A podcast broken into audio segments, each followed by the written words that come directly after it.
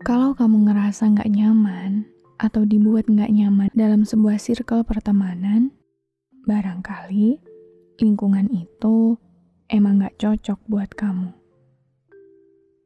Pilihannya ada dua. Yang pertama, kamu boleh untuk terus bertahan di circle itu dan tidak menjadi diri kamu sendiri sampai kamu ngerasa capek dan gak kuat. Dan yang kedua, kamu boleh pergi sekarang juga. Selamat datang di segmen bercerita Bincang Asa dan Rasa. Di segmen ini, aku akan membacakan cerita-cerita yang teman-teman kirim lewat email aku, dan tentu saja, tayangnya episode ini sudah dengan persetujuan pengirim untuk dibacakan ceritanya di sini. Sebelum mulai, sebenarnya segmen ini pernah aku buat satu episode dan sudah lama sekali. Kenapa waktu kemarin nggak lanjut ke episode 2 dan seterusnya? Karena aku ngerasa aku belum cukup mampu untuk menyisihkan emosi aku yang meledak-ledak pas baca cerita kalian. Jadi di sini, aku kembali dan akan membacakan cerita yang kalian kirim dan kasih perspektif aku di akhirnya. Jadi, selamat mendengarkan.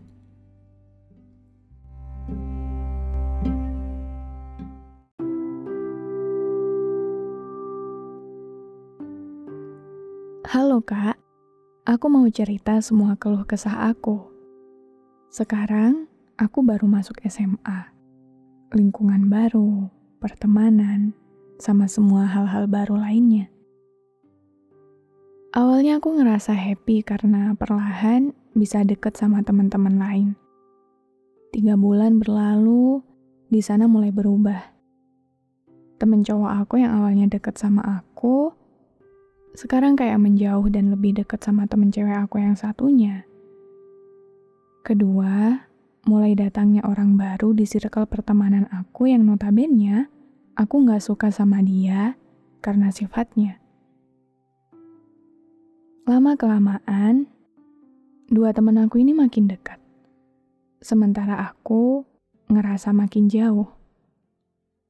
Awal mulanya ya salah satu di circle aku tuh ngajak temen duduk aku yang katanya mereka udah kenal dari zaman sekolah dari dulu sampai sekarang. Tapi mereka nggak ngajak aku pergi ke satu tempat yang udah mereka omongin, dan di situ aku ngerasa sedih. Aku mikir apa karena dari segi ekonomi kah, fisik kah, atau sifat aku kah, makanya aku nggak diajak. Balik lagi ke cerita mereka yang makin dekat, dimulai dari orang baru yang masuk ke circle aku sampai temen cowok aku yang jadinya malah deket ke temen cewek aku ini. Mereka suka kumpul di sekolah sampai sore kadang. Karena aku tipe orang yang gak betah lama-lama di sekolah, aku seringnya suka nolak ajakan mereka. Jadi bisa aja ini salah akunya juga. Cuma suka sedih aja, Kak. Kenapa aku selalu sendiri terus, ditinggalin terus di setiap pertemanan, dan aku jadi ngerasa dilupain. Capek banget aku ngerasa kayak gini dari SD sampai sekarang. Bahkan aku sampai minta pindah sekolah ke orang tua aku, saking gak betahnya. Setiap mereka kumpul, aku selalu berusaha untuk ikut, tapi lagi-lagi hasilnya aku tetap ngerasa udah gak sefrekuensi lagi sama mereka. Ya jelas, karena aku ngerasa ketinggalan banyak banget pembahasan dan itu ngabisin energi aku banget. Aku bingung apa yang harus aku lakuin. Sama aku selalu ngerasa apa yang aku punya akan selalu direbut oleh orang lain. Jadi selama aku ada di deket dia, kenangan buruk aku waktu dulu selalu terulang terus, Kak. Kenapa dia selalu bahagia punya teman banyak, sedangkan aku enggak? Kenapa dia selalu ambil semua yang aku punya?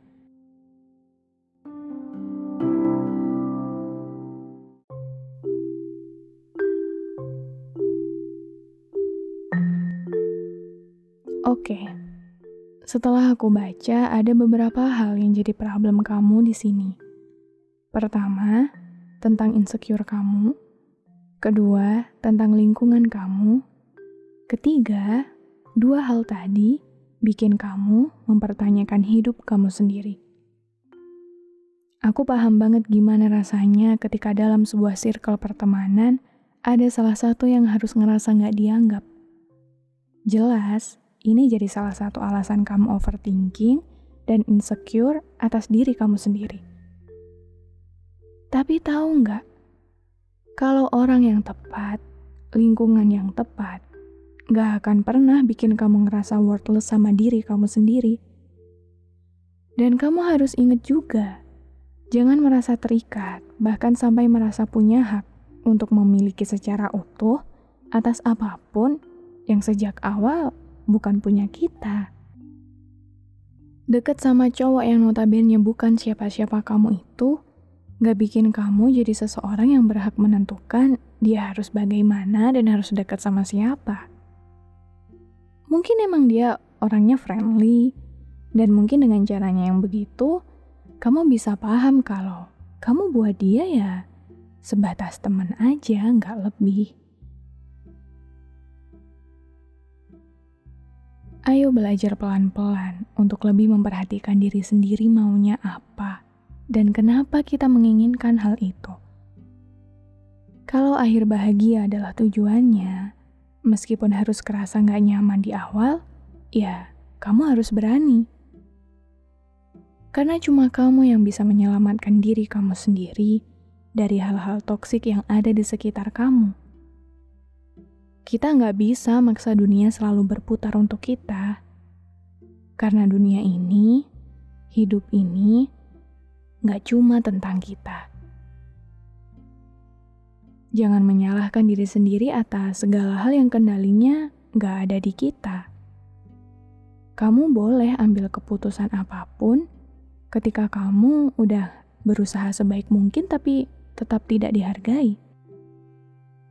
Apakah mau berhenti atau tidak? Apakah mau terus berada di lingkungan itu atau tidak? Semua kendalinya ada di kamu. Entah pilihannya berhenti berteman, berhenti menyalahkan diri, berhenti mempertanyakan kelayakan diri dan hidup yang kamu punya. Kalau lingkupnya terlalu sempit untuk lari, maka carilah suasana baru dengan orang-orang yang baru. Dengan catatan, itu bisa membuatmu lebih tenang. Jadi, kita harus punya komitmen pada diri kita sendiri. Kalau kita emang mau bahagia dan lingkungan itu emang gak bikin kita bahagia, ya salah satu caranya pergi. Tapi kalau kita gak berani melakukan hal itu, masih belum cukup berani untuk menjauh dari orang-orang itu, ya pelan-pelan. Pilih yang lebih bisa bikin kamu bahagia dan dewasalah dari sana.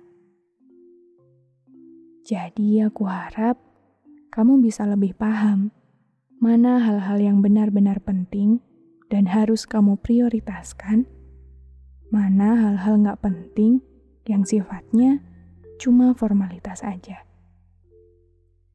Masa-masa SMA emang masa-masa kita mulai tumbuh dan tahu kalau dunia nggak sebaik yang kita kira. Jadi, semoga kita semua bisa lebih bijaksana dan bisa belajar pelan-pelan untuk mencintai diri kita sendiri. thank you